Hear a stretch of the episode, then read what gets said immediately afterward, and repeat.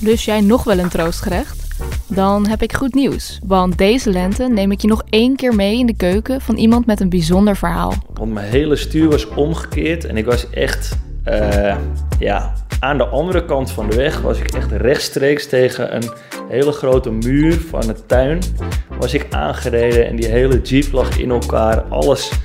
Een auto-ongeluk, een gevecht met gedachten en nachtenlang niet mogen slapen in een klooster in Thailand.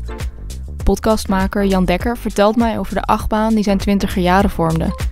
Van losbandig leven op Aruba tot thuis in Nederland depressief onder de douche zitten. En dan zat ik echt onder de douche met mijn rug tegen de muur. En de kraan zit ik echt steeds heter en heter en heter. En de, de tranen die werden gewoon steeds dikker leek wel. En ik dacht echt, wat, wat, wat doe ik hier? Waarom ben ik in godsnaam teruggegaan gewoon? Ik had, ik had het daar zoveel beter. Binnenkort luister je naar Jans hele verhaal en hoor je zijn comfortfood. Abonneer je nu op Troostgerechten en hou je podcastfeed in de gaten.